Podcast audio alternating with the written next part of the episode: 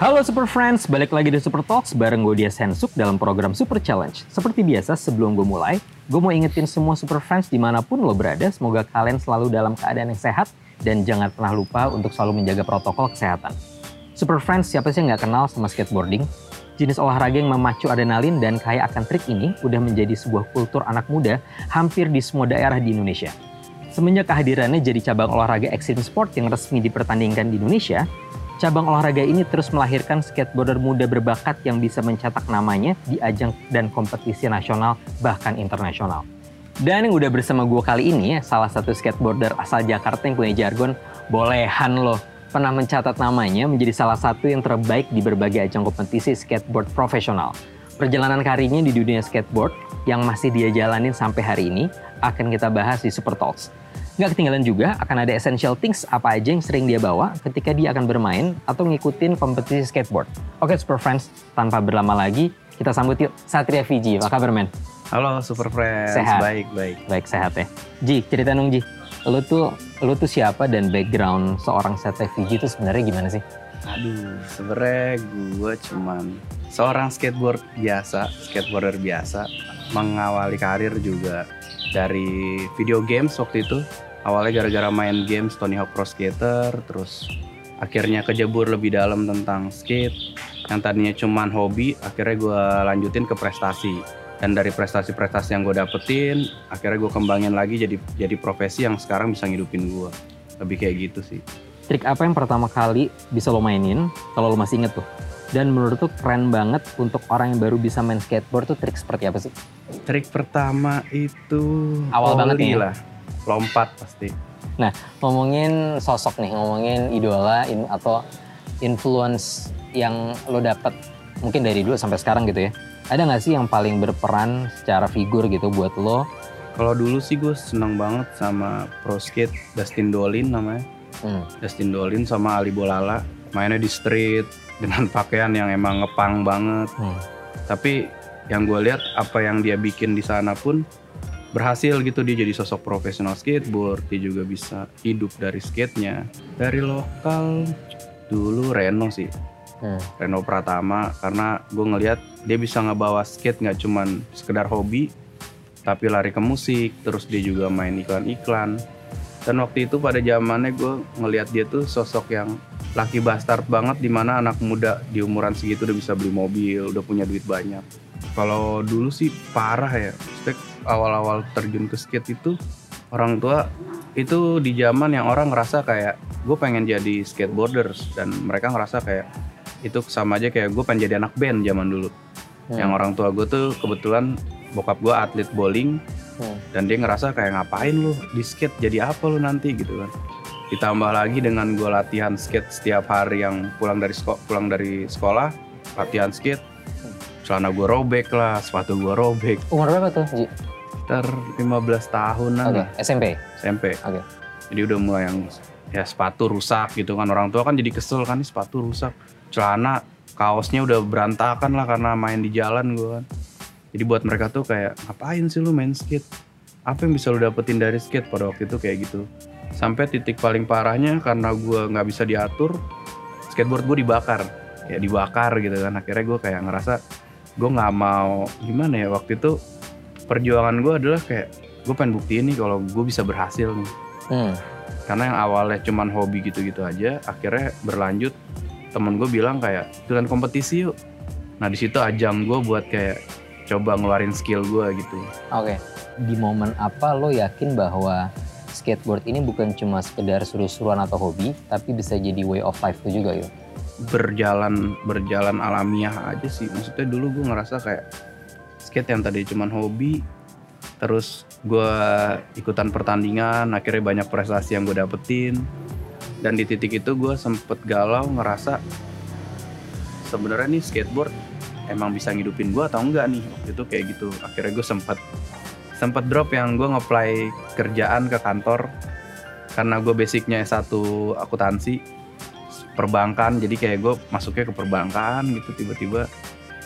Pertama kali gue ngeplay giliran udah pengen kerja ada lagi ada lagi dari skate gitu. Entah tour lah entah gue iklan lah akhirnya gue berhenti. Terus yang kedua juga kayak gitu sampai tiga kali kejadian itu tuh berulang-ulang setiap gue kayak udah ngedrop wah kayak gue nggak bisa hidup dari skate pas yang ketiga kali gue bilang sama diri gue kalau sampai ini gue gagal nih kerja di kantoran gue nggak bakal kabur lagi dari skate dan bener aja begitu yang ketiga gue ikut tour itu sekitar 10 kota atau 15 kota yang bikin gue nggak mungkin kerja di kantor kan Hmm. nah dari situ gue kayak udah deh gue jadiin skateboard nih profesi aja deh Go big or go home gitu ya? Ya. Oke. Kompetisi yang udah lo ikutin tuh apa aja? Sebenarnya sih kalau di Indo pertandingan nasional terus ada juga kayak SEA Games lah. Hmm. tapi SEA Gamesnya skate. Terus gue di luar beberapa kompetisi gue ikutin itu. Ada di China di Shanghai waktu itu ada Conversity Carnet Singapura Malaysia. Terus ikutan lagi yang terakhir itu gue di Chengdu China. Itu Hmm. 2016 akhir. Nah di situ gue juara tiga. Setelah itu gue masih ikut pertandingan tapi udah nggak terlalu aktif karena gue lebih ngincar ke entertain sih ke umum lah. Apalagi nih suka dukanya jadi profesional skateboarder sebenarnya. sukanya sih banyak ketemu orang-orang baru karena sering tour. Karena di skateboard itu family-nya tinggi banget jadi even lu main ke kota-kota lain atau negara lain lu tinggal cari skatepark aja di situ. Oke. lu bisa main bareng mereka bahkan kadang-kadang lu bisa numpang di rumahnya mereka juga untuk tinggal terus juga eh, enaknya dari sponsor-sponsornya juga maksudnya beda keren-keren gitu brand-brand clothing yang keren brand Mhm. sepatu yang keren terus juga bisa dapet uang juga akhirnya bisa menghidupi gue juga dukanya tuh masih banyak stigma orang yang ngerasa kayak hidup sebagai seorang skateboard itu nggak mungkin berhasil Nah di era sekarang tuh udah menurut gue udah bisa skateboard itu udah sebanding dengan orang-orang kerja kantoran. Akhirnya ada kebanggaan yang gue ngerasa kayak sebenarnya bisa kok apa pun passion lu selama lu tekunin lu kreatif lu mau mau apa ya mau beradaptasi dengan semuanya gue yakin akan jadi sesuatu gitu Apa yang ngebuat lo nggak surut sama passion lo, malah lo bakal ngejar karir lo makin berkembang terus? kenapa nggak surut passion gue di skate ya karena gue ngerasa skateboard ini kayak, kayak dunia gue gitu tempat main gue di mana gue lu bayangin deh kalau misalkan kita nongkrong kita main kita tuh bisa berjam-jam bahkan mungkin nggak ngera lupa waktu lah. Nah di skateboard itu gue nemuin kedamaian di situ yang gue ngerasa kayak gue seneng di dalam situ. Ya walaupun ya ada kadang-kadang begitu gue gali tentang passion gue di skate ini kayak kenapa sih lu terlalu dalam banget di skate? Karena gue mikir gue nggak tahu harus ngapain kalau nggak main skate lu tuh hidup gue banget nih banyak banget yang gue dapetin dari lu yang gue nggak mungkin buat ninggalin si skateboard Hmm. Dan lo mesti ngasih balik ke dunia itu berarti kan sebenarnya? ya akhirnya yang gue pikirin kayak apa sih yang bisa gue turunin nih karena gue pengen gitu semua orang tuh ngerasain apa yang gue rasain gue tidur di hotel bagus kalau pertandingan atau gue tour atau gue bisa beli kendaraan gue pengen kayak harusnya kalian semua bisa kayak gue gitu Hmm. dan itu yang gue akhirnya bikin beberapa kayak gue bikin kemarin namanya skate movement terus gue bikin lagi akar jeruji jadi gue berharap dengan pergerakan itu tuh kayak buat nimbulin lagi ke teman-teman kita nggak cuma bisa skate doang kok Mhm. di saat kita kreatif kita bisa bikin pergerakan kok ajak teman-teman lebih ke positif nah itu yang gue bikin sama teman-teman jadi kadang-kadang yang biasanya mungkin kalau acara tour gitu skate ya lu cuma demo doang Mhm. kali ini gue enggak gue masukin edukasi Oke. Jadi demo dan coaching klinik gue ajarin di daerah-daerah itu tentang skate. Dan kalau lo ngelihat fasilitas skate park di Indonesia, khususnya di Jakarta, apa udah cukup memadai? Ya kalau misalkan ngomongin fasilitas sih, gue bilang nggak akan pernah cukup sih. Ya. Dan itu pun nggak menjamin untuk anak-anak semua main di skate park. Hmm. Pasti pasti tetap aja ada yang main di jalan, karena kan street banget lah skate nih. Gue seneng banget nyari-nyari tempat yang unik buat main skate. Emang waktu itu paling asik banget kalau kita dapet eh, tempat-tempat yang tutup ya, kayak water park tutup gitu kan, tiba-tiba udah nggak lanjut lagi. Nah biasanya kita gimana ngakalin bisa main di situ. Skateboard itu buat gue apa ya art sih.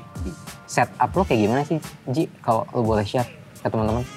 Kalau setup gue sih dari rodanya juga emang gue pilih yang di atas standar lah bisa gue bilang. Terus papan, truknya juga. Mendingan lu ngerakit satu-satu daripada lu beli baru, beli Hmm. jadi gitu. Yang ngedasarin lo untuk rajin bikin konten soal skateboard tuh apa ya? A- Awalnya sih gara-gara kerisauan sih dulu gue. Gue risau dengan di saat gue ngerasa passion gue atau hobi gue ini keren tapi orang nggak ngeliat itu keren gitu kan dan dari hal itu gue merasa kayak kayaknya banyak yang nggak ngerti gitu tentang culture skateboard yang gue jalanin di satu sisi gue juga ngerasa kayak kayak misalnya gue kompetisi di luar negeri gue dapet experience gitu. Kayak gue ke Filipina deh ke Filipina gue bisa jauh-jauh ke sana dari skate. Kayak sayang aja gitu kayak gue kebayang sayang banget ya. Yang ngerasain experience itu cuman gue nah dari hal-hal itu akhirnya gue bentuk untuk kenapa sih nggak semuanya apa yang gue lihat gue dokumentasiin biar teman-teman bisa ngelihat. Ceritain deh Ji, yang yang menginisiasi lo untuk akhirnya bikin buku tentang lo dan isinya apa aja? Yang bikin gue jadi bikin buku ya waktu itu gue cuman kepikir gini sih segitu cintanya gue sama skateboard sedalam itu gue tenggelam di dalam skate itu yang gue ngerasa kayak kayak skateboard harusnya bisa lebih gitu dari cuman sekedar orang bilang hobi main skate gitu atau Hmm. atlet skate Pemahaman pemahaman umum lah ya. pemahaman pemahaman pemahaman umum akhirnya gue ngerasa kayak gue ngelihat waktu itu seorang chef atau fotografer dia bikin gitu autobiografi foto gitu kan. Misalnya Darwis Triadi gitu ya. Terus gue mikir kayak kok kita nggak ada ya? Maksud gue terutama skena lah. Hmm. anak-anak komunitas tuh kayak kok kita nggak ada ya? Kenapa sih kita nggak bikin gitu? Yang notabene gue kepikir satu awal dari dua dan tiga gitu. Even gue pertama bikin dan akhirnya tuh buku gue jadi jurnal akan dikembangin lagi dengan anak sekarang. Gue ngerasa paling nggak kita punya legacy. Iya kita betul. pernah bikin. Nah, di buku ini yang semuanya gue jelasin sih. Tips untuk teman-teman yang nonton atau yang denger yang mungkin mereka kepikiran mau jadi skateboarder profesional kayak lo, apa yang bisa lo share buat mereka? tips untuk jadi profesional skateboard menurut gue lo harus tahu sih pemahaman tentang profesionalnya itu sih. Kebanyakan orang berpikir gue pengen jadi profesional skateboard berarti gue harus jago nih. Gue mungkin harus menangin banyak pertandingan gitu. Ya bener juga bisa juga. Banyak caranya gitu. Tapi menurut gue pemahaman tentang profesional skateboard itu adalah gimana caranya lu bisa hidup di dalam skateboard itu sendiri berarti lu profesional dengan apa pun yang lu lakuin di skateboard Ngomongin regenerasi berarti. Gimana tanggapan lo sama potensi talenta-talenta muda yang kita punya sekarang? Seperti apa sih? udah jauh banget sih gila sih maksudnya anak skate sekarang tuh udah jadi sosok yang superstar tau kalau menurut gua dengan teknik Hmm. dia bermain jauh banget gue yakin sih Indonesia mungkin setahun dua tahun tiga tahun ke depan bisa ngerajai lah gue yakin karena skillnya udah jauh banget mungkin efek sosial media juga ya Kalau barusan kita ngomongin semua hal dari awal mulai, antusias lo yang total banget ya, kayaknya passion lo gede banget ya. Bukan cuma untuk dalam tanda kutip main, tapi lo ngegedein skena. Lo ngebentuk komunitas lo, harapannya bisa ngembangin ekosistemnya juga gitu kan. Nah, eh, sekarang dari hobi jadi profesi. Nah, boleh lo share nggak apa aja essential things dari seorang Satria Fiji nih yang wajib lo bawa kalau lo mau main atau ikut kompetisi skateboard. Jelasin juga satu persatu gunanya apa.